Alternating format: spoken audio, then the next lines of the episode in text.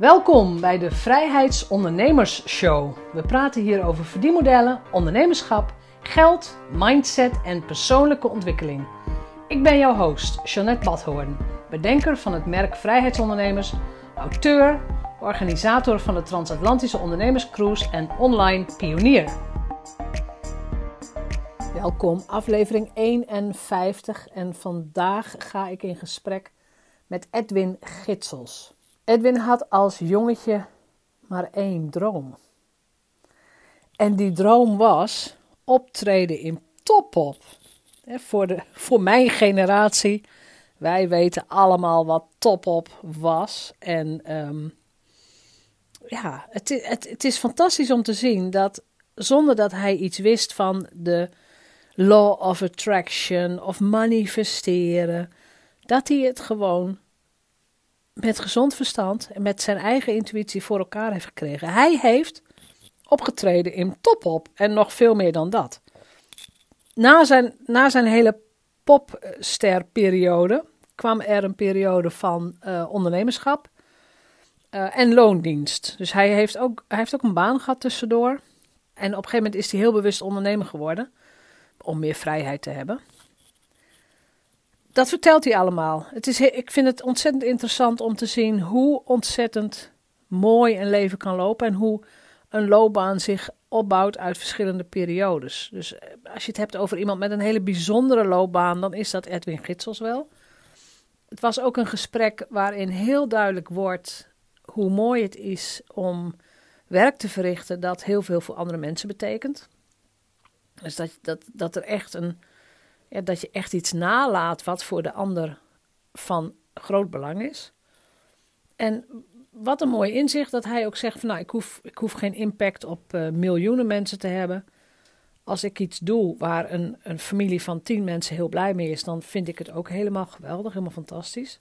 Een van de belangrijkste keuzes die hij nu maakt is: doe dingen waar je heel gelukkig van wordt.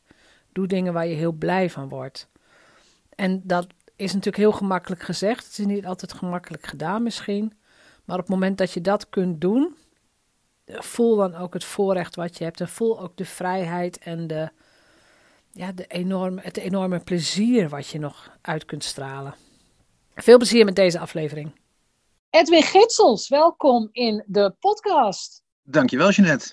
Dankjewel. En heel veel mensen zullen jou kennen, ja, op Facebook misschien, van top 10 lijstjes met muziek. Ja, de thema top 10. De thema top officieel. 10. Ja. Groen en blauw. Heel herkenbaar als die voorbij komt. dat jij biografieën schrijft. Ja. Dat je bezig bent met film, met documentaires. Ook voor de televisie. Ja. En heel af en toe komen daar berichten voorbij, die, zeker als mensen jou nog niet langere tijd volgen, dan sta je ineens op de foto met oud-gediende uit Volendam, met Harry Slinger. Ja. En dan komt er ineens een drukwerkperiode boven. Voor de mensen die drukwerk niet kennen, wat was dat voor periode?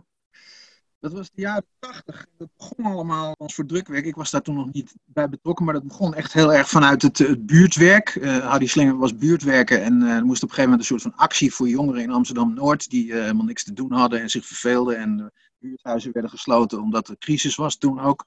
Ja. En toen heeft hij een liedje geschreven, Ik verveel me zo in Amsterdam-Noord. En dat werd door de radio opgepakt en dat is als een snelbal gaan rollen. En de grootste hits zijn onder andere Je loog tegen mij, Marjanneke...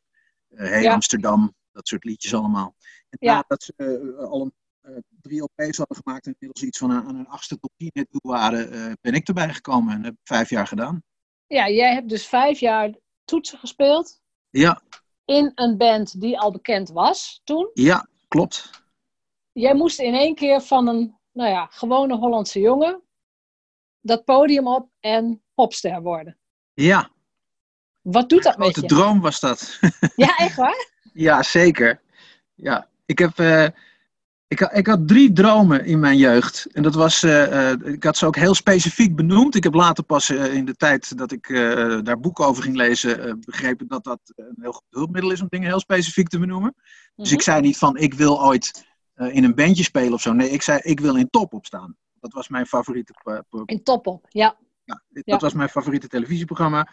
En ooit daar zelf in optreden, dat was toch wel het ultieme ongeveer. En Ja. Dat, is me dus gelukt. Ik heb inderdaad in top opgestaan. En, eh, Ja. Maar ik wilde ook, ik wilde niet muziekjournalist worden. Nee, ik wilde de hitkrant maken. En dat heb Oh, ik dus ook gedaan. echt- Ik ben- Precies, echt specifiek. Ja. dat was mijn tweede jeugddroom. Dus ik heb ook inderdaad de hitkrant gemaakt, zeven jaar lang. Ja. En ik wilde, en dat heb ik wel vrij algemeen verwoord, eh, bij de televisie werken. En eh, ook dat is uiteindelijk gebeurd. Ja, Op mijn dat is ook 34ste, gebeurd. sinds mijn 34ste maak ik televisieprogramma's. Ja, want wij, hebben, wij lopen allebei al een tijdje mee. Dus het is logisch dat we verschillende dingen hebben gedaan. Maar ga, kun je teruggaan naar het moment waarop jij, nou ten eerste, je werd, ehm, je werd, je werd aangenomen als toetsenist van drukwerk. Ja. Maar je moest, je moest ineens ook die identiteit aannemen van ik ben nu popster, ik moet het podium op. Er staan honderden, duizenden mensen. Wat doet dat met je? Ja, het, eigenlijk was het een soort invulling van iets wat ik al jaren eh, gevisualiseerd had. Want ik heb denk ik wel mijn hele jeugd, vrijwel elke avond voordat ik ging slapen, eh, even een LP die we toen nog hadden opgezet eh, op Ja. de koptelefoon. En dat was mijn manier om in slaap te vallen. En daarbij visualiseerde ik altijd dat ik zelf de uitvoerende was van waar ik naar luisterde. Dat- fantastisch. Ja. Dat heb ik jaren. Dus, ik, dus ineens was dat werkelijkheid. Maar het was eigenlijk een soort van.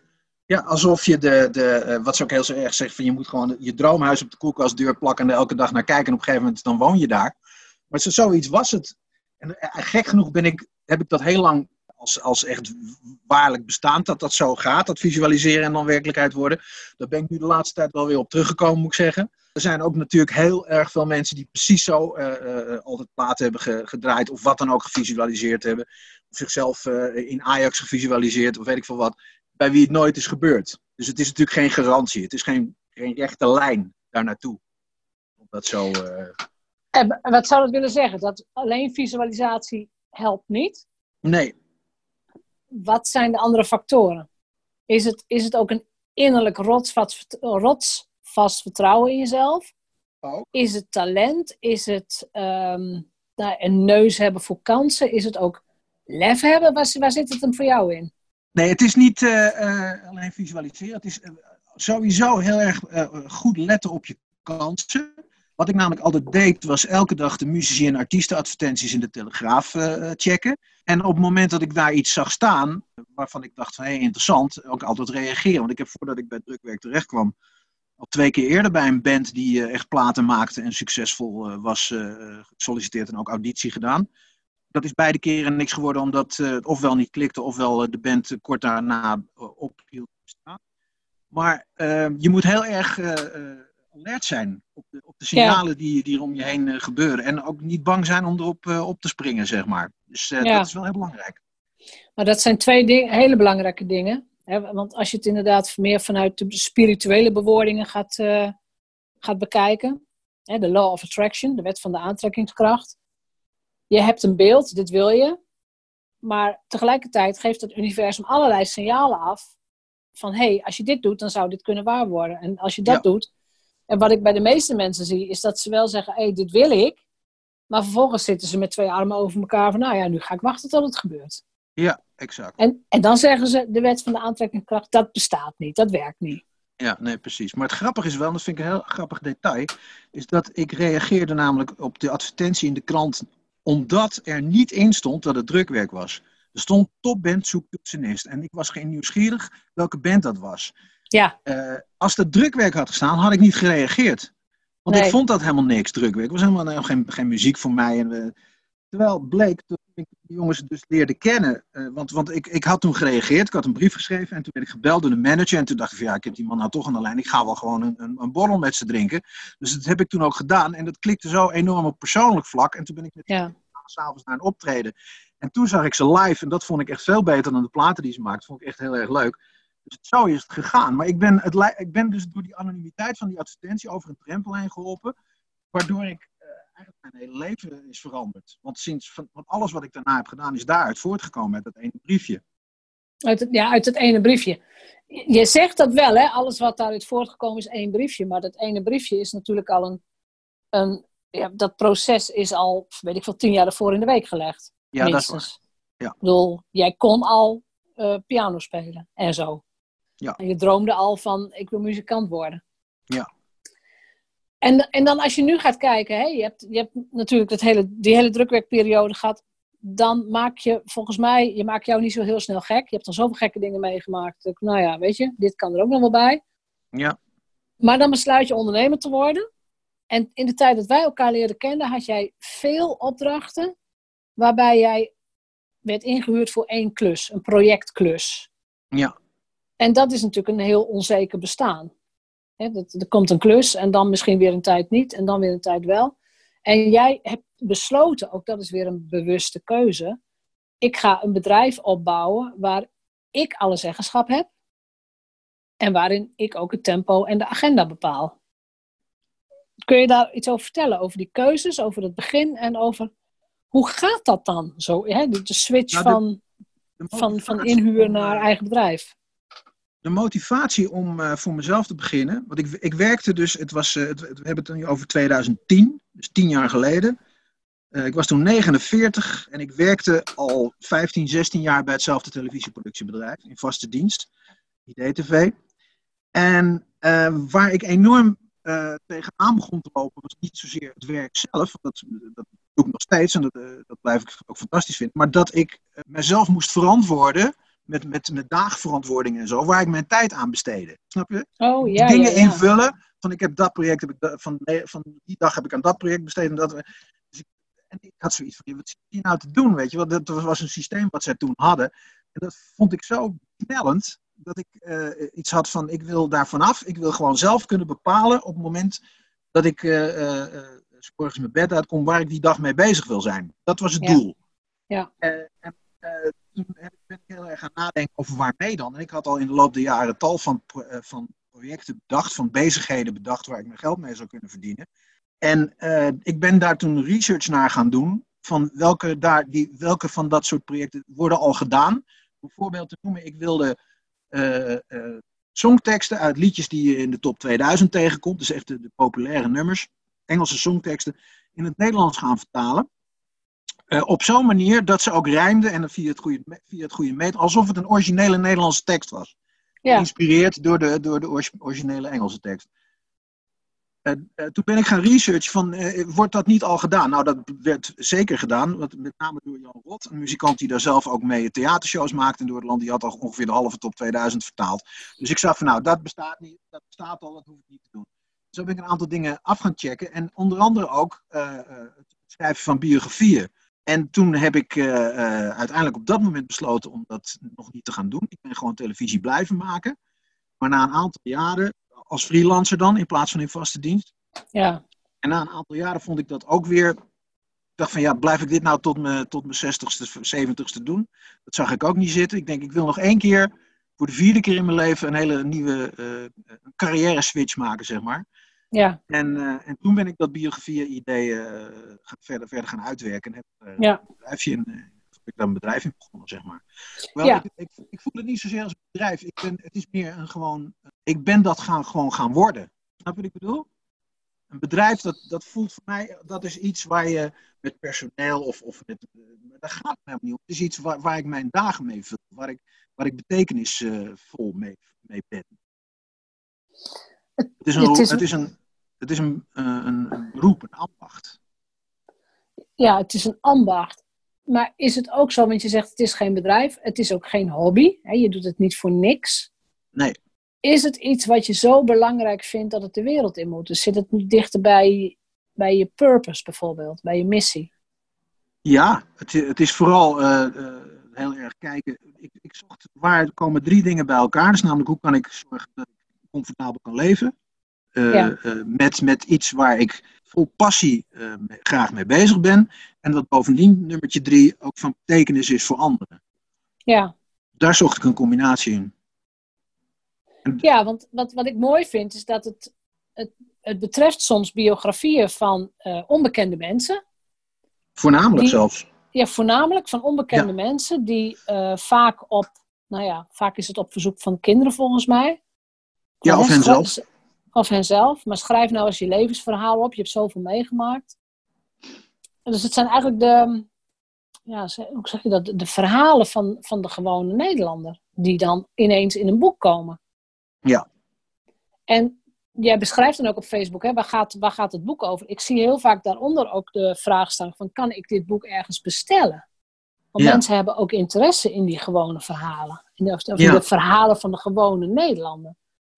Maar da- dat is het doel niet. hè. Het doel is dat ze dat boek voor zichzelf en voor hun familie schrijven. Ja, het, het doel wat ik eigenlijk verkoop is geen biografie, maar ik verkoop onsterfelijkheid. Ja, ik denk dat dat het inderdaad is. Want het gaat van generatie op generatie kan het eh, Ja. verder gaan. Ja. Dat is wel Dus de- mooi, ja. Dus er belandt een boek in de kast bij kinderen van 4, 5 jaar. Of dat hebben hun ouders bewaren dat dan voor ze totdat ze wat wijzer en volwassener zijn. Ja. En dan krijg je een boek, een groot dik boek, met, eh, soms met, eh, voor de helft gevuld met foto's en soms met alleen maar tekst.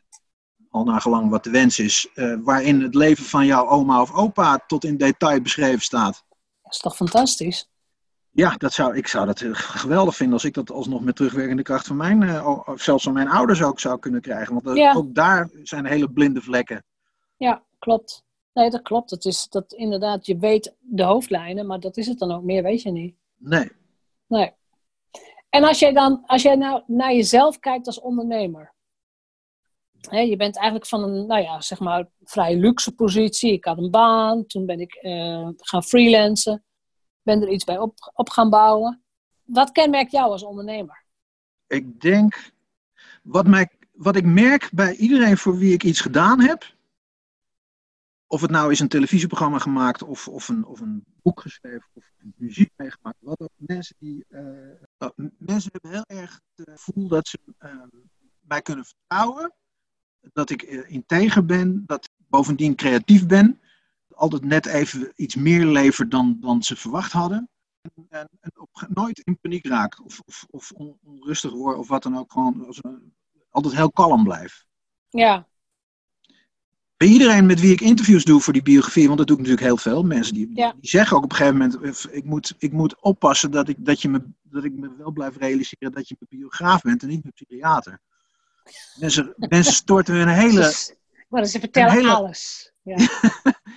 ze storten hun hele en houden op tafel. En dat moet, natuurlijk- dan moet je je wel vertrouwd voelen. Ja. Het moet wel een klik zijn. Ja. Dat is ook zoals het altijd begint. We eerst gewoon een kennismakingsgesprek. En ja, we- liggen we elkaar überhaupt? En dat gaat eigenlijk altijd goed, overigens. Maar, dus, eh, want ja. En ze vertellen ook heel veel dingen waarbij ze dan zeggen van, maar dat is niet voor in het boek hoor. Nee, dat moet, nee, dat moet er niet in hoor. Ja. Dat moet er niet in. Ja. Niet iedereen Ja. is zo. Je hebt ook die zeggen van, je mag alles opschrijven, dat maakt me niks uit. De, de, de- Ja. laten we zeggen, de, de Patty Barts van deze wereld.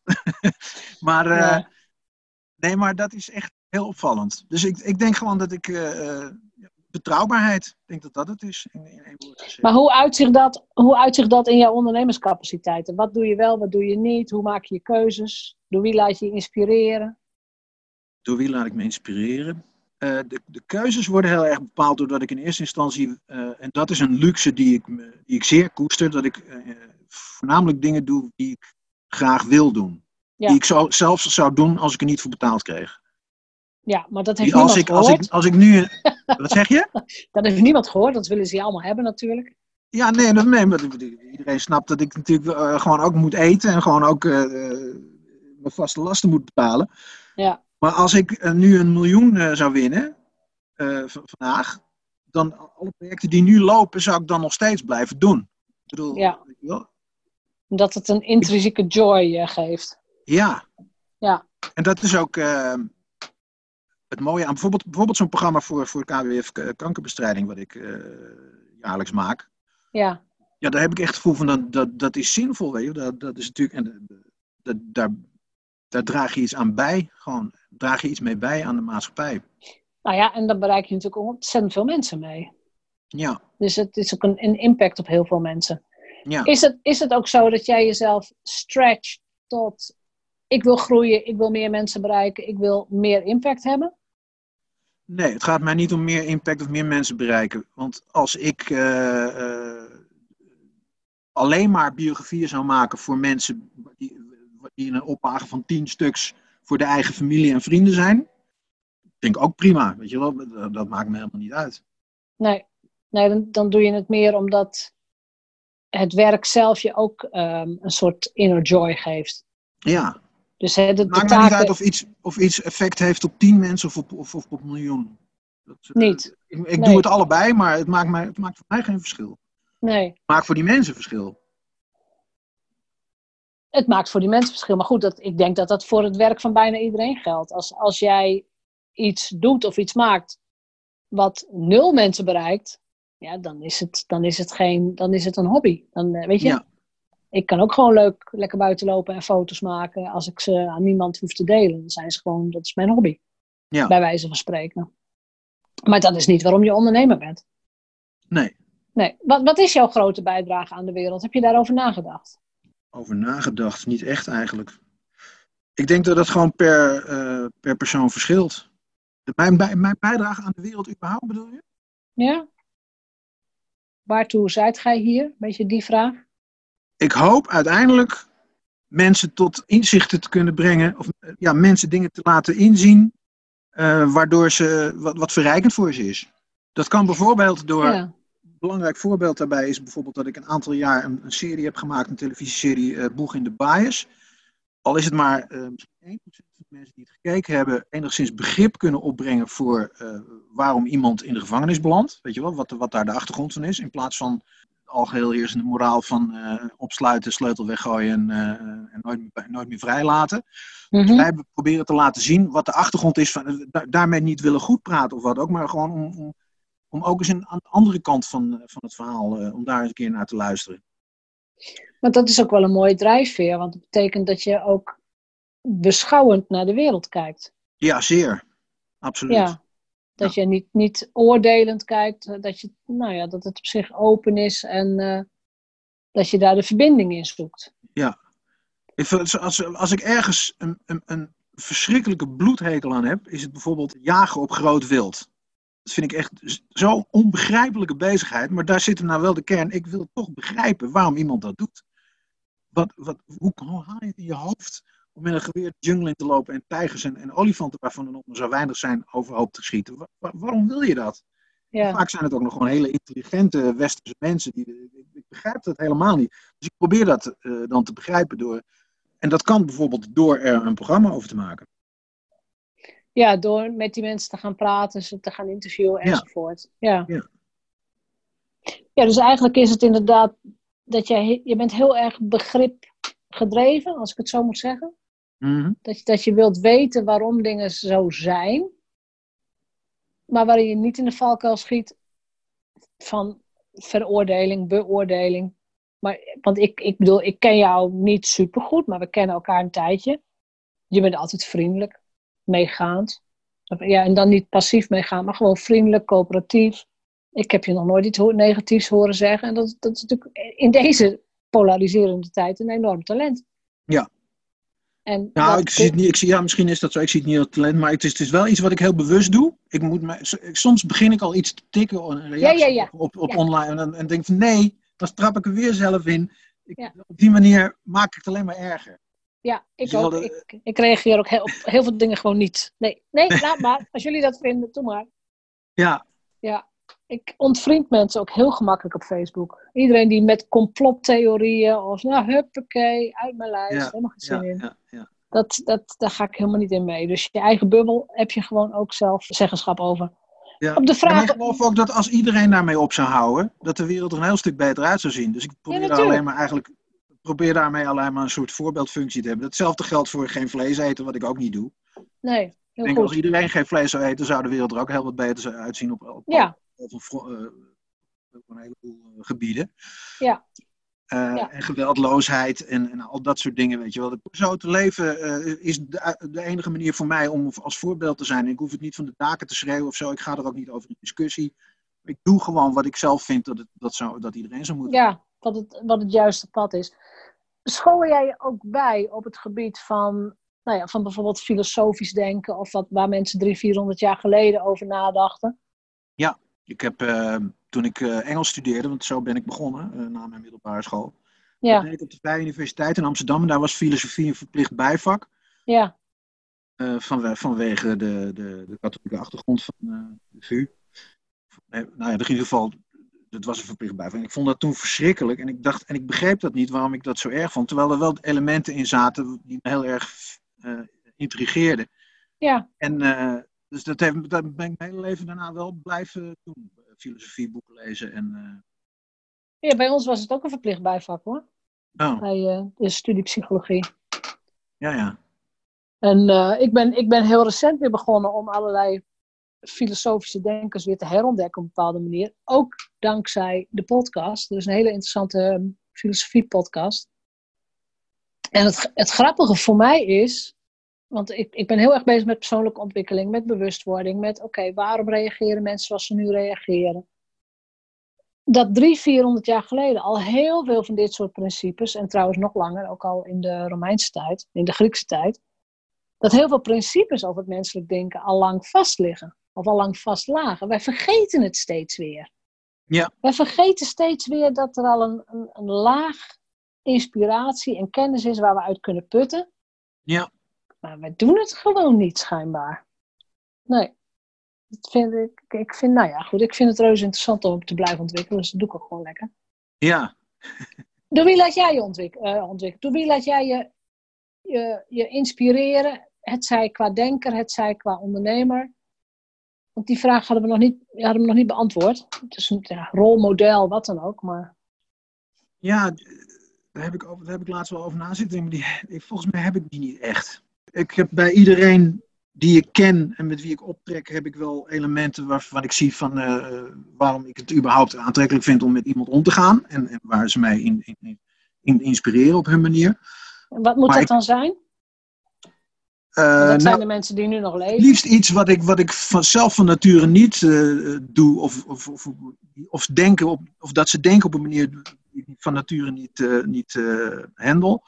En, en, eh, maar daardoor kan leren om dat wel te doen, zeg maar. Dus dat is meer bewust, ja, vanuit de NLP heet dat modelleren. Dat je echt gaat bestuderen wat iemand denkt, hoe iemand denkt en hoe iemand die jij bewondert dingen voor elkaar krijgt of dingen doet. Ja, of, eh, kijk, het, het leven is namelijk voornamelijk, eh, het is niet wat je overkomt, maar hoe je erop reageert. Ja, klopt. Dat is heel erg mijn stelling. Want, eh, en de andere is, life is what happens to you while you're busy making other plans, die we allemaal Ja. kennen. Ja, Nou, en die combinatie, die blijft me eeuwig fascineren van eh, mensen maken plannen en dan gebeurt er iets waardoor het anders loopt en hoe reageren ze daar dan op? En dat, dat, daar let ik heel erg op. De- In alles wat ik lees, in films die ik kijk, in, in, omgang met mensen überhaupt.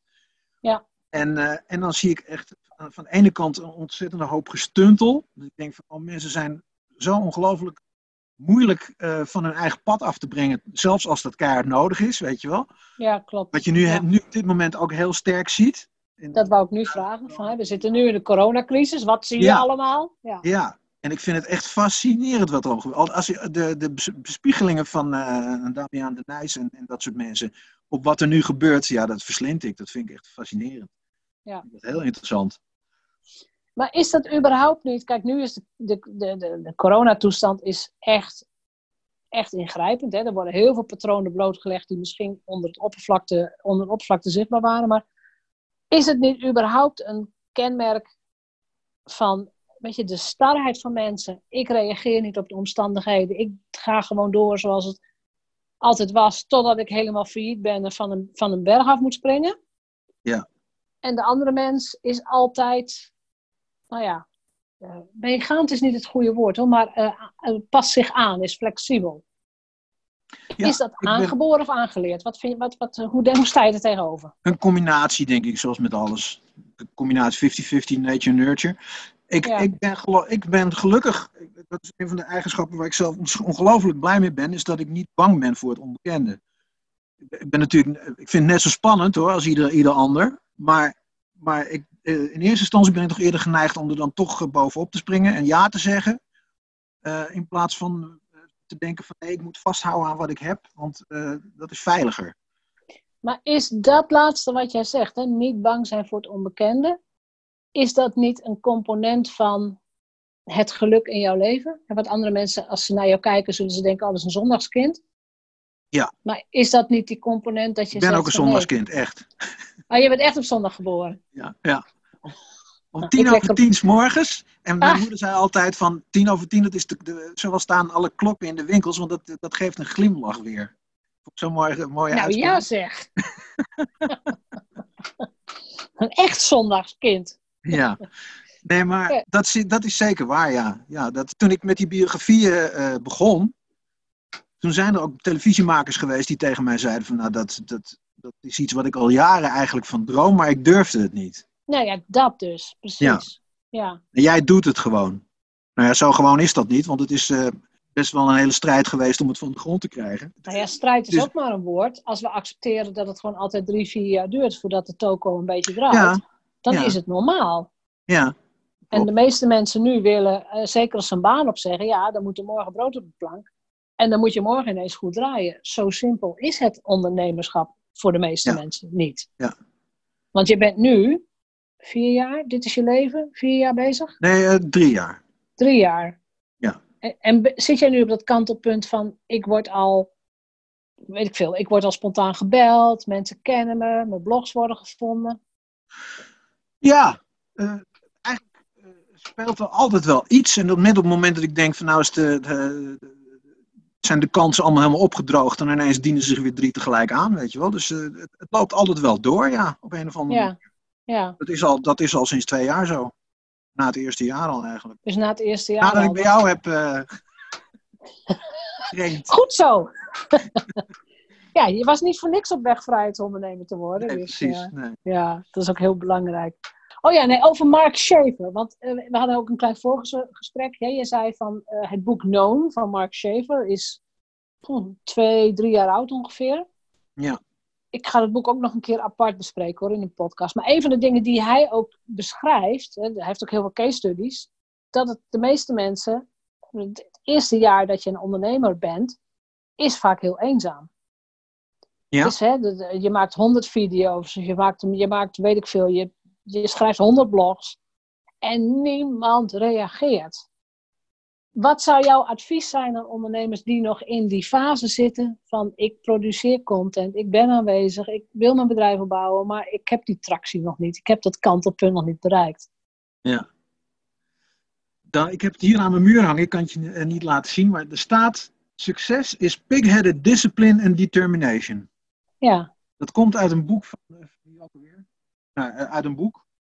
En dat hangt al drie jaar uh, er hangen drie spreuken en die zijn, die, die zijn, als ik op deze vraag zou ik ze alle drie even willen voorlezen. Dus gewoon koppige discipline en, en, en, en determination, zeg ik in het Nederlands. Uh, vasthoudendheid. Vasthoudendheid.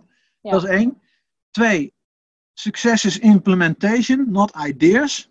Dat is een hele belangrijke. Ja. Dus dingen doen en dingen proberen en dingen testen. Ja. En de derde die ik heb hangen is: succes is doing 4000 times 12 things, not 12 times 4000 things. things. Oftewel focus en experimenteren. Focus. Ja. en implementeren, ja. Ja, focus en experimenteren. Want als jij terugkijkt nu naar de ondernemer die um, dit is je leven.nl begon, wat zou jouw advies aan die ondernemer zijn, dus aan jezelf? Focus, vooral ik ben in het begin al wel te veel bezig geweest met, uh, oh, maar ik kan dit ook wel doen. Ik kan, wel, ik kan ook wel over mij filmpjes gaan maken voor websites. En ik kan ook wel uh, uh, artikelen gaan schrijven voor die. En ik kan wel filmpjes maken voor dat. En, en ik kan ook wel voor bedrijven filmpjes maken, of biografieën maken, zeg maar. Over de, dat heb ik ook gedaan. Ik heb over de gevangenis, de, de EBI in, in, in, in, Vught, waar ja. Willem Holleder en al die gasten zitten die bestond 25 jaar vorig jaar en die vroegen mij om daar een film over te maken over het 25 jaar bestaan. Dus dat heb ik ook gedaan. Dat heb ik met heel veel plezier gedaan. Maar ja. ik, toen dacht ik even, toen ik dat gedaan had en iedereen ook enthousiast was, dacht ik van ja, dat kan ik ook wel op mijn website zetten. Dat ik dat ook denk, nee, want dan kunnen mensen niet meer volgen wat ik nou eigenlijk, waar sta ik dan eigenlijk voor? Als ja, waar sta je dan als bijproduct ja. uitkomen, weet je wel, dat iemand vraagt van jij schrijft biografieën, maar kan je niet ook over mijn bedrijf dus een verhaal? Prima, weet je wel, dat doe ik dan ook wel. Maar je moet naar buiten toe, moet je gewoon heel duidelijk, eenduidig zijn van dit ben ik, dit maak ik, hier sta ik voor. Kies je ja. niche, zeg maar. Ja, kies heel duidelijk je niche. Ja. Hoe duidelijker dat is, hoe, hoe makkelijker een klant je gaat vinden natuurlijk. Ja, en hou daar dus, gewoon aan vast, jarenlang. Ja, focus is sowieso voor heel veel ondernemers een ontzettend moeilijk punt.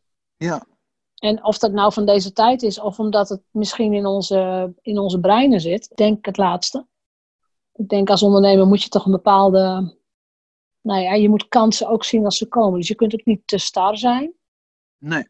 je moet Nee, nee, klopt. Ja, gebalanceerde flexibiliteit is het bijna. Ja, maar dan moet je niet onmiddellijk eh, eh, naar buiten toe. eh, je, moet, je moet de buitenwereld wel langzaam meenemen in zo'n verandering. Je moet niet de ene dag dit zijn en de andere dag dat, want dan, dan kunnen mensen die niet meer volgen.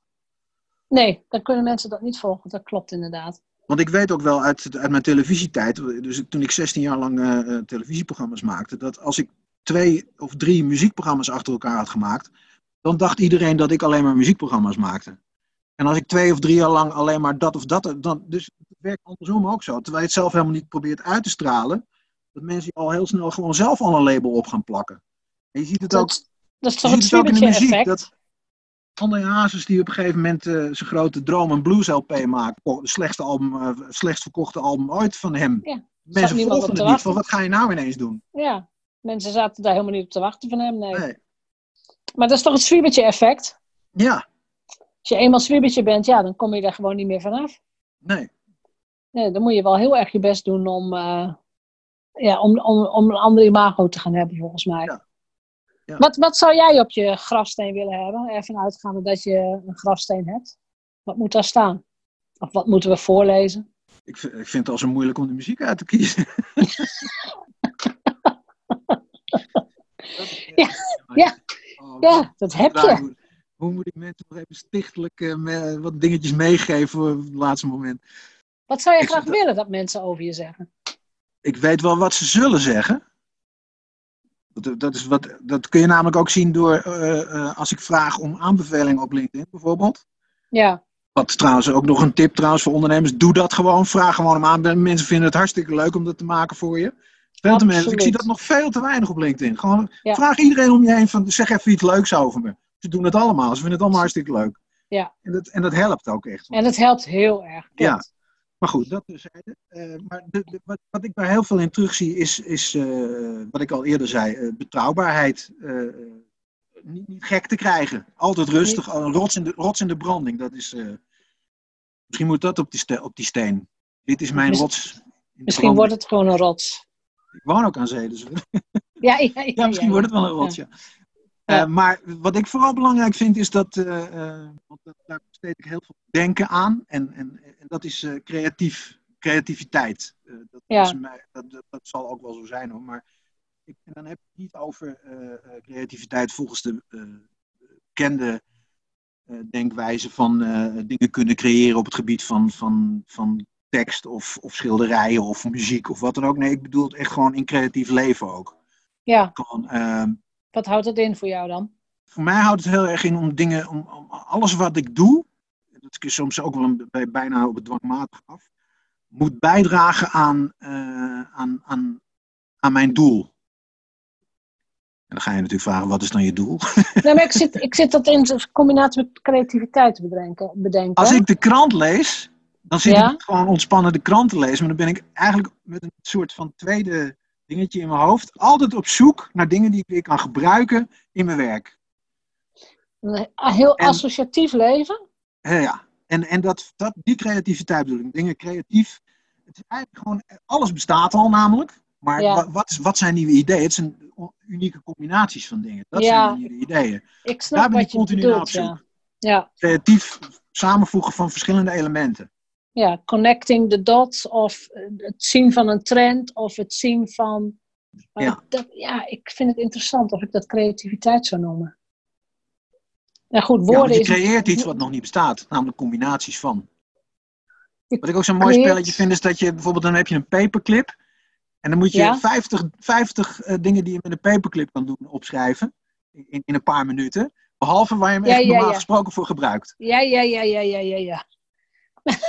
De telefoon open krijgen. Ja. Ja. Veel verder dan dat kom ik al niet eens. Maar goed, dat, eh, als je er echt voor gaat zitten, dan. Maar dat zijn, dat zijn inderdaad eh, de um, soort brainstorm oefeningen om je geest open te krijgen. Ja. En dat is bij, bij, bij televisie, word je er ook ontzettend in getraind, want alles, alles is al een keer gemaakt. Maar programma's zijn heel vaak, nieuwe, nieuwe programma-ideeën zijn heel vaak een, een, een originele interpretatie van iets wat al bestaat, of, of een originele combinatie van dingen die al bestaan. Ja, maar dat geldt toch ook voor, voor de boeken die we schrijven, voor Ja, sowieso omdat wij gevangen zitten in, we zitten gevangen in een taal, we zitten gevangen in een soort cultuur. Daarom, daar, daarom vind ik op dit moment ook de filosofische denkers heel interessant. Er zijn dus wel mensen die in staat zijn om iets nieuws te bedenken. Iets echt nieuws te bedenken. Dan heb je het over de Einsteins en dat soort mensen. En die zijn zo schaars. En bovendien, als je echt iets nieuws zou bedenken, ja, niemand begrijpt je.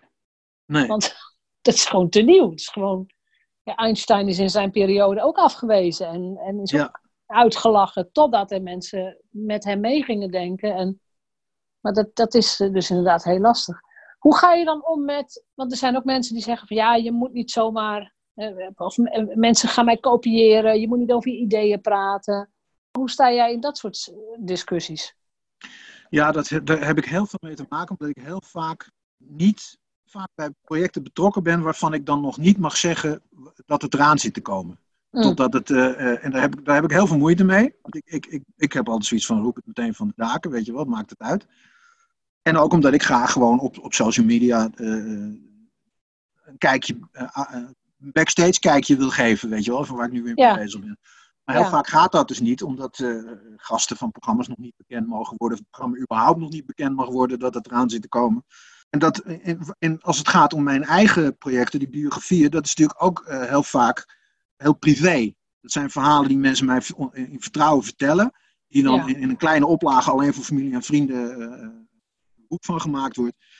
Terwijl ik heel graag die dingen eigenlijk eh, zou willen delen, maar dat gaat dan niet. Dus, Nee. dus ik, ik ben heel erg open wat dat betreft. En van mij mag iedereen alles weten. Maar stel dat iemand jouw website bekijkt en denkt: Oh, dat kan ik ook. Ik ga ook biografieën schrijven. Ja, maar er zijn ook heel veel die het al doen. Ja, dat is ook het beste antwoord, vind ik. Ja. Maar er zijn ook, heel veel, er zijn ook ontzettend veel bakkers in, in Nederland. Maar er- toch komt er altijd toch wel weer een bakker bij, zie je. Ja, dus die, Ja. Angst, die angst van: Oh, ik doe iets wat nog niemand doet. Of ehm, ik Er is een hele, een hele grote partij. eh, iets van, ja, dat is een, zeg maar een soort van de HEMA van de biografie, zeg maar. Of de Albelli van de biografie. Ja, Eh, en toen ik net begon met Dit is je leven, kreeg ik van allerlei mensen uit mijn omgeving linkjes naar dat. Van, oh, is dat niet een grote concurrent? Ja, dat is een hele grote concurrent, ja. Maar ik bedoel, ik ben gewoon een delicatessenwinkeltje op de hoek. En, eh, en eh, kan ook prima bestaan daarnaast. Dus eh, Ja, ik maak precies. er druk om. ja. En ja ik ben de enige trouwens in Nederland die eh, het combineert in geschreven en gefilmde vorm. ja, omdat jij niet beide talenten hebt. Ik maak zowel films als eh, boeken. En dat zie je nergens. Nee. Nou, dat, is toch, dat, is, dat is dan weer jouw unieke saus. Dat is dan toch ook weer heel fijn. Alleen iemand die een film laat maken heeft er niks aan dat ik ook boeken maak. En andersom. Nee, er is nog Dus- niet iemand geweest die zei: van maak een film van mijn leven en een boek. Nee. Nee, dat zijn Nee. natuurlijk ook echt hele verschillende middelen. Klopt. Ja. Hoe, hoe ga je om met die tweespalt in je, in, in je, in je taakgebied? Want het is Ja, waar wat je zegt. Iemand die een film wil, die hoeft geen boek en omgekeerd. Nee. Maar boek is, eh, de, de, de verhouding zegt 80-20 hoor. Boeken eh, die zijn veel populairder. Gewilder. Omdat het, eh, de generatie waar ik veel voor werk is toch de wat oudere generatie. En die zien film nog heel erg, en terecht overigens ook, als iets wat... ja, dat, dat, dat gaat niet 10, 20 jaar lang mee. Dat Nee, is tegen die tijd... voelt nog meer voor de eeuwigheid, inderdaad. Ja. Ja, precies. Denk dat dat voorlopig. Ik hoop ook dat het voorlopig nog wel zo blijft. Ik ben dol op boeken, dus eh, Ja. dat hoop ik ook inderdaad, ja. Maar, en, maar de mensen die, zeg maar, de, de productie, tv-productiebedrijven die jou inhuren, die kennen Ja. jou alleen maar van dit tv-stukje. Die weten Nee, nee, nee, nee, Het werkt, het werkt, ik ben door biografieën te gaan doen, ben ik ineens eh, meer gevraagd op de televisie. Omdat ik namelijk, ik werk aan mijn zichtbaarheid voor de biografieën, voor Dit is je leven. Maar Ja. die zichtbaarheid spreidt zich natuurlijk ook uit naar, naar eh, met name ook in de televisiewereld, omdat ik daar veel contacten en, en eh, vrienden, zeg maar, in, op Facebook en LinkedIn en zo eh, heb. Ja, ja, ja, ja. Die ja. dat ook allemaal. En daardoor blijf ik bij hun. Door die top 10's die ik maak, waar we de, dit gesprek mee begonnen. Hè, die, Ja, die De top muziek thema top 10. Ja. ja. afgelopen kerst met de top 2000 is er een nieuw programmaatje gemaakt. Dat, ik weet niet meer precies hoe het heet, maar dat zijn filmpjes van vijf minuten waarin een bekende Nederlander uh, iets vertelt over zijn favoriete liedje uit de top 2000. Mini-interviewtjes. En uh, daar werd ik voor gebeld of ik die wilde maken, want jij maakt van die leuke thematopies, weet je wel. Nou ja, fantastisch. Zo werkt dat dus ook. Jij hebt verstand van muziek, dus dan moet je ook die filmpjes gaan maken. Ja, precies. Nou, uiteindelijk kon het niet, want ik, ik, was wintertijd aan het maken, dus het is niet doorgegaan. Maar, maar zo werkt dat dan. Maar zo werkt dat wel, ja. Dat, is, dat is trouwens wel een hele belangrijke les voor ondernemers. Dat je niet alleen op sociale media of in je nieuwsbrief dingen vertelt die puur en alleen direct met je bedrijf te maken hebben. Nee. Maar dat je dus inderdaad ook, ook nou ja, wat je zegt, de behind the scenes of de dingen waar je interesse voor hebt, dat je dat ook gewoon durft te laten zien. Ja, nou dat hangt natuurlijk een beetje af van wat je doet. Als je fietsenmaker bent, weet ik niet echt of het nodig is. Maar als ik in mijn geval, biografieën moeten mensen, je krijgt echt een band met mensen over wie je een levensverhaal opschrijft. Ja. En, en dan is het wel belangrijk dat uh, mensen het gevoel hebben van, uh, nou, bij hem uh, voel ik me wel op mijn gemak. En wat is dat dan voor iemand? Weet je wel? Dat je ja, daar al een nou beetje ja. een beeld bij hebt. Zijn weer die, die, die aloude stappen van, wat is het ook weer, known en dan... No, like and trust. No, like and trust, ja. Mm -hmm. Van John Jentsch van Duct Tape Marketing. Ja. ja. Ja, no, like and trust. En dan is het buy of re re repeat. nou ja, er zijn nog vier stappen na die tijd. Maar dat, dat is natuurlijk, maar dat geldt ook voor de fietsenmaker hoor. Als je de fietsenmaker niet leuk vindt, ga je naar de volgende. Ja.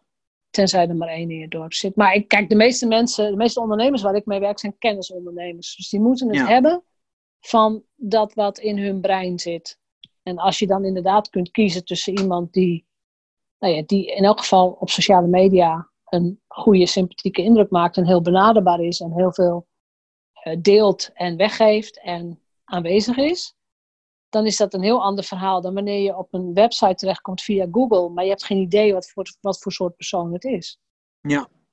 Nou, met, met, dat is ook wel een leuk over Google vindbaarheid. Ben jij vindbaar op Google? Of is dat ook iets wat jou eigenlijk niet zo heel hard boeit?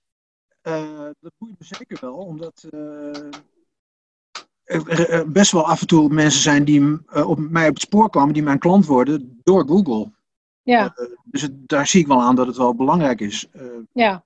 maar, maar om te zeggen dat ik me er echt mee bezighoud, dat ik het check, dat nou ook weer niet. Nee, je hebt geen zoekmachine optimalisatiebureau Nee, die dat voor jou regelt. nee. Nee. Ik ook niet. Maar En dat is, wel iets, dat is wel een van, dat staat wel op mijn lijstje van, van dingen waarvan ik wel vind dat ik daar meer mee bezig moet zijn. Ja, als het toevoegt. Ik, ik ben dan minder. Ik bedoel, het is niet zo dat ik niet gevonden wil worden, helemaal niet. Maar ik merk aan telefoontjes die ik krijg van mensen die mij alleen maar via Google hebben gevonden. En verder nog nooit iets hebben gelezen, gezien, gehoord, wat dan ook. Dat zijn vaak hele voor mij lastige gesprekken. En als iemand mij belt of een WhatsAppje stuurt omdat ze een boek gelezen hebben of omdat ze een videootje hebben gezien of eh, bij een webinar waren, dan heb je een volledig ander gesprek. Dus mijn eerste vraag is ook altijd: waar ken je me van? Wat heb je van me gezien of gelezen? Dan weet ik welke vervolgvraag ik moet stellen. Dus natuurlijk moet je wel vindbaar zijn. Zeker je blogs moeten vindbaar zijn. Ja. Maar ik heb, ik heb het idee dat veel ondernemers zich ook eh, de kop gek laten maken. En, eh, Ja. en, en dan een dure SEO-specialist in de Terwijl ik denk, nou, werk eerst aan dat andere stuk. ja. En gelukkig kun je ook heel veel zelf. Maar het is wel een belangrijke motivatie voor mij om te bloggen. Om eh, mensen naar mijn. eh, Ja, nou dat is dus precies. Je blog, blogs moeten goed vindbaar zijn. Want Ja. dan kom je in elk geval bij, de, bij een klant op het netvlies die misschien ook een betalende klant gaat worden. Ja, Ja. dat klopt. Zijn er nog dingen die jij zou willen delen? Dingen die, eh, die we niet besproken hebben, waarvan je denkt van, dit is voor ondernemers wel belangrijk. En je hebt je drie mooie one-liners genoemd. De spreuken aan de Maar er, muur. staat er, er staat er een vierde, die zal, ik, die zal ik dan tot slot nog nog even melden. Stel een schema op en hou je eraan, no matter what. dat, nee, maar dat is, dat is wel, dat wil ik nog wel even zeggen. Juist doordat ik zoveel verschillende dingen door elkaar heen doe, Ja, eh, is het voor mij echt essentieel dat ik eh, eh, voor mezelf een planning maak. Dat ik gewoon, en, en dat is nog niet eens zozeer omdat anders dingen niet afkomen of, of, of omdat, of omdat ik dan de patiënts op mijn computer, want dat zit helemaal niet in om, om, om dat te blijven. Ik ben altijd zinvol bezig. De belangrijkste reden is dat het rust in je hoofd geeft. Als Ja. ik voor mezelf heb afgesproken dat ik vanmiddag van 2 tot 6 ga werken aan een stuk voor een opdrachtgever voor een nieuw programmaconcept, Ja, dan weet ik gewoon dat ik alle signalen uitzetten. Dat doe ik ook. Ik zet de, de, de telefoon uit en, en, en, eh, de, de computer op de vliegtuigstand. En ik weet gewoon, ik kan tot zes uur heerlijk hier lekker mee bezig zijn volledig. En dan, ik ook, dan kan er door mijn hoofd ineens schieten van, oh trouwens, ik zou nog even, voor diegene voor wie ik een biografie aan het maken ben, nog even die foto's eh, kopiëren. Nee, dat staat allemaal op het to-do-lijstje. Maar gewoon dat je je hoofd leeg kan maken, volledig kan focussen. Ja. En bovendien daardoor ook, dat is eh, eh, ook een heel belangrijk ding, dat je in flow kan raken daardoor. Dat is Ja. een absolute voorwaarde daarvoor. En flow is het mooiste wat je kunt bereiken. Gewoon helemaal lekker opgaan in waar je mee bezig bent. Alsof je, zoals je vroeger eh, vijf jaar was met, eh, eh, met, met, met je blokken zat te spelen of wat je dan ook deed. Ja, dat klopt. De wereld om je heen vergeten. Spelen als een kind met waar je op dat moment mee bezig bent. hoe vaak werk jij gemiddeld in flow? Ik denk toch elke dag wel een uur. Elke dag Ja, de tijd vergeten, ja, je honger vergeten. ja. Ja. Dat, het- En dat het is gemiddeld dan, hè? Want het kan soms zijn dat ik, eh, als ik vooral als ik aan aan het monteren ben, eh, filmpjes aan het monteren ben, dan kan het soms wel drie, vier uur achter elkaar doorgaan. Ja, Eh, maar, en dan heb ik vervolgens drie dagen dat ik het helemaal weer niet heb. Maar ja, gemiddeld zo'n een uur Ja. per dag. En dat is wel veel hoor. ja, dat is veel. Want voor mij, ik kan alleen maar in flow werken als ik echt drie, vier uur achter elkaar ongestoord iets kan doen. Ja. Als ik weet, bijvoorbeeld met schrijven, van als ik weet van oké, nu ga ik alleen dit doen. Er is niemand thuis. Dat is voor mij een voorwaarde. Ik hoef nergens naartoe. Ik hoef niet te koken. Ik, ik ben gewoon, ik ben gewoon Ja. lekker aan het werk. En dan, dan merk ik pas van, oh, is het al vijf uur? Oh, nou, eh, dat ging snel. Maar op, op gewone werkdagen is flow eh, nou veel lastiger, vind ik. Zeker nu, eh, nu de kinderen thuis zijn. Ja, de hele dag. Ja, ja, ja, ja. Het zijn bijzondere tijden, zullen we maar zeggen. ja. Nee, maar ik hoop dat mensen in deze bijzondere tijden leren dat als je eh, dan, eh, zonder kinderen, eh, of in een gezegende omstandigheden, dat je een eigen, waar je niet last wordt van, maar dat je met thuiswerken, heb ik het idee, voor mij in ieder geval wel, vaker flow bereikt dan dat je in een kantoortuin zit met allemaal mensen om je heen. Want dat leidt toch al. Ja, ik wel in elk geval. Ja, Ik werk heel graag alleen. En ik weet ook dat als ik een boek moet schrijven, dan kan ik hier thuis wel de opzet maken. En de, de inhoudsopgave. En de, nou ja, hoe, wat wil ik er allemaal in hebben. Maar het echte schrijfwerk, ik ga dan of in een huisje, of in mijn caravan, of in een hotel zitten. Want dan hoef ik niks te doen. Hè. Dan hoef ik geen wasmachines aan te zetten. Ik hoef niet te koken. Er is niet iemand die aanbelt. Da- dan dus geen externe factoren. Dan, dan schrijf ik gewoon, dan kan ik rustig van 8 uur s ochtends tot 10 uur s avonds schrijven. Met Ja. natuurlijk tussendoor pauzes, een wandelingetje enzovoort. Maar ja, omdat je hoofd dan helemaal leeg is. ja. Ik, hoef dan al, ik hoef niks anders dan alleen maar dat. Nee. Maar de- en dat weet ik van mezelf, dus dat bouw ik dan gewoon in. En als het af moet, nou, dan sluit ik mezelf wel even op, ja. Ja. Maar op zich kan ik goed thuiswerken hoor. Dat, ik heb goede ruimte. En gelukkig zijn de kinderen bijna allemaal volwassen. Die snappen nu dingen. Ja. Dat is ook belangrijk. Ben je inmiddels een echte vrijheidsondernemer? Ja, vind ik wel. Maar ik, Oh. ik heb mijn definitie daarvan, ik weet niet hoe de jouwe uiteindelijk precies is, maar eh, ik vind dat ik eh, zelf voor een heel groot deel kan bepalen hoe ik mijn, eh, mijn dagen, mijn weken, mijn maanden, mijn jaren vul. Ja. En op het moment dat ik me dan committeer aan iets waar ik wel een paar maanden zoet mee ben, heb ik, dat wel, heb ik daar wel zelf voor gekozen.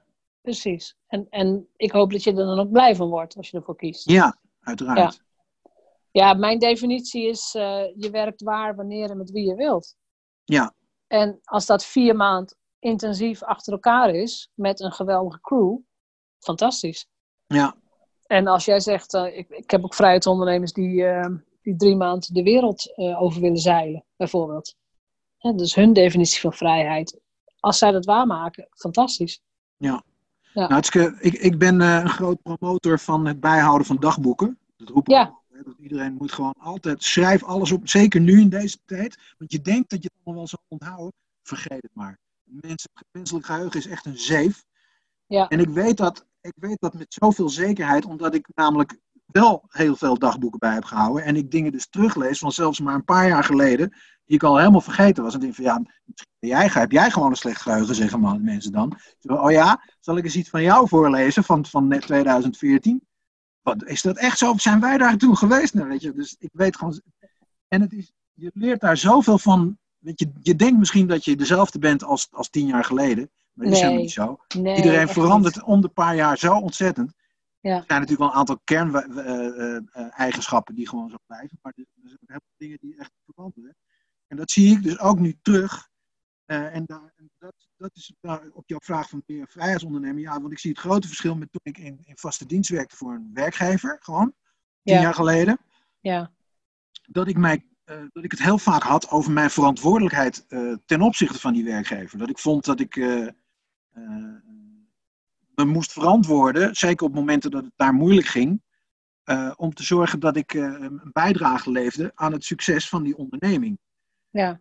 En daar is heel veel energie in gaan zitten, die ik achteraf ontzettend jammer en, en zonde van mijn tijd vind, want die had ik veel beter kunnen besteden aan, aan het eh, ontwikkelen van mezelf. Ik snap wat je Met, met bedoelt. als gevolg dat die ondernemer daar baat bij heeft, omdat ik namelijk dan. je- Het is ook als, als ondernemer met personeel, denk ik, heel moeilijk en, en, en eh, lastig om je personeel vrijheid te geven om de dingen aan te pakken zoals zij dat willen. Maar ik denk dat het wel eh, on the long term veel meer oplevert dan, dan mensen dingen te laten doen zoals jij wil dat gebeuren. Ja, ik, ik denk dat, dat die trend al een jaar of tien geleden is ingezet. Tien, vijftien Ja. jaar geleden. En Ja. Google heeft ook eh, de, vrij, de vrijdag dat je doet wat je zelf wilt. Ehm, dat mensen daar productiever van worden. We we werken niet meer allemaal in fabrieken. maar dat, dat fabrieksdenken zit er nog heel hard in. Als je het hebt Ja. over, over eh, corporate eh, culturen. Nou, laten we hopen dat wat nu gebeurt, dat nog een, een extra breekijzer is om die vrijheid meer te durven nemen als werknemer en te durven geven als werkgever. Omdat je nu gedwongen bent afstand te nemen, fysiek. Ik denk dat er voor veel mensen een wake-up call periode is, ja. Ja, van eigenlijk hoef ik helemaal niet elke dag naar kantoor. Eigenlijk gaat het prima met eh, een vergadering van 20 minuten in plaats van twee uur. ja, Waarom hebben we die systemen die we hebben? Ja, om- Ja. omdat we daar niet over nadachten. Ja. dat hoop ik ook. Ik hoop ook dat. eh, natuurlijk is het nu een, een, een pittige tijd. En ehm, ook op persoonlijk niveau is er heel veel leed. Dit gezegd hebbende, er is een verandering in de wereld gaande. En ik hoop dat die verandering doorgaat. Dat, dat er positieve dingen gaan gebeuren. Ja, dat hoop ik ook. Ja. Mag ik jou hartelijk bedanken? dat mag. Dank je wel. En jij bedankt voor. eh, Kunnen mensen eh, nog iets aanvragen op je website? Is, is nee, momenteel iets, eh, niet. Maar daar, daar wordt aan gewerkt. Maar momenteel heb ik even geen. eh, nee. Kunnen ze ergens contact met je maken? Ja, gewoon eh, eh, op ditisjeleven.nl. Ja. Kun je vinden. Oké, helemaal goed. Dan wens ik jou een hele fijne zomer, zullen we maar zeggen. Want het is nu 22 graden hier. Je- Ja, het is hier ook heerlijk weer. ja, en het wordt tijd dat we, nou ja, dat we weer lekker naar buiten kunnen met z'n allen. En Ja, hopen dat het snel weer kan. ja, zeker. Dank voor dit gesprek. Graag gedaan. Bedankt voor het luisteren naar de Vrijheidsondernemers Show. Geef de show een review op iTunes. Als vrijheidsondernemer werk je waar, wanneer en met wie jij wilt. Dat gun ik jou ook. Ik weet dat het kan. En bij de juiste keuzes is vrijheid ook voor jou mogelijk. Op jouw vrijheid!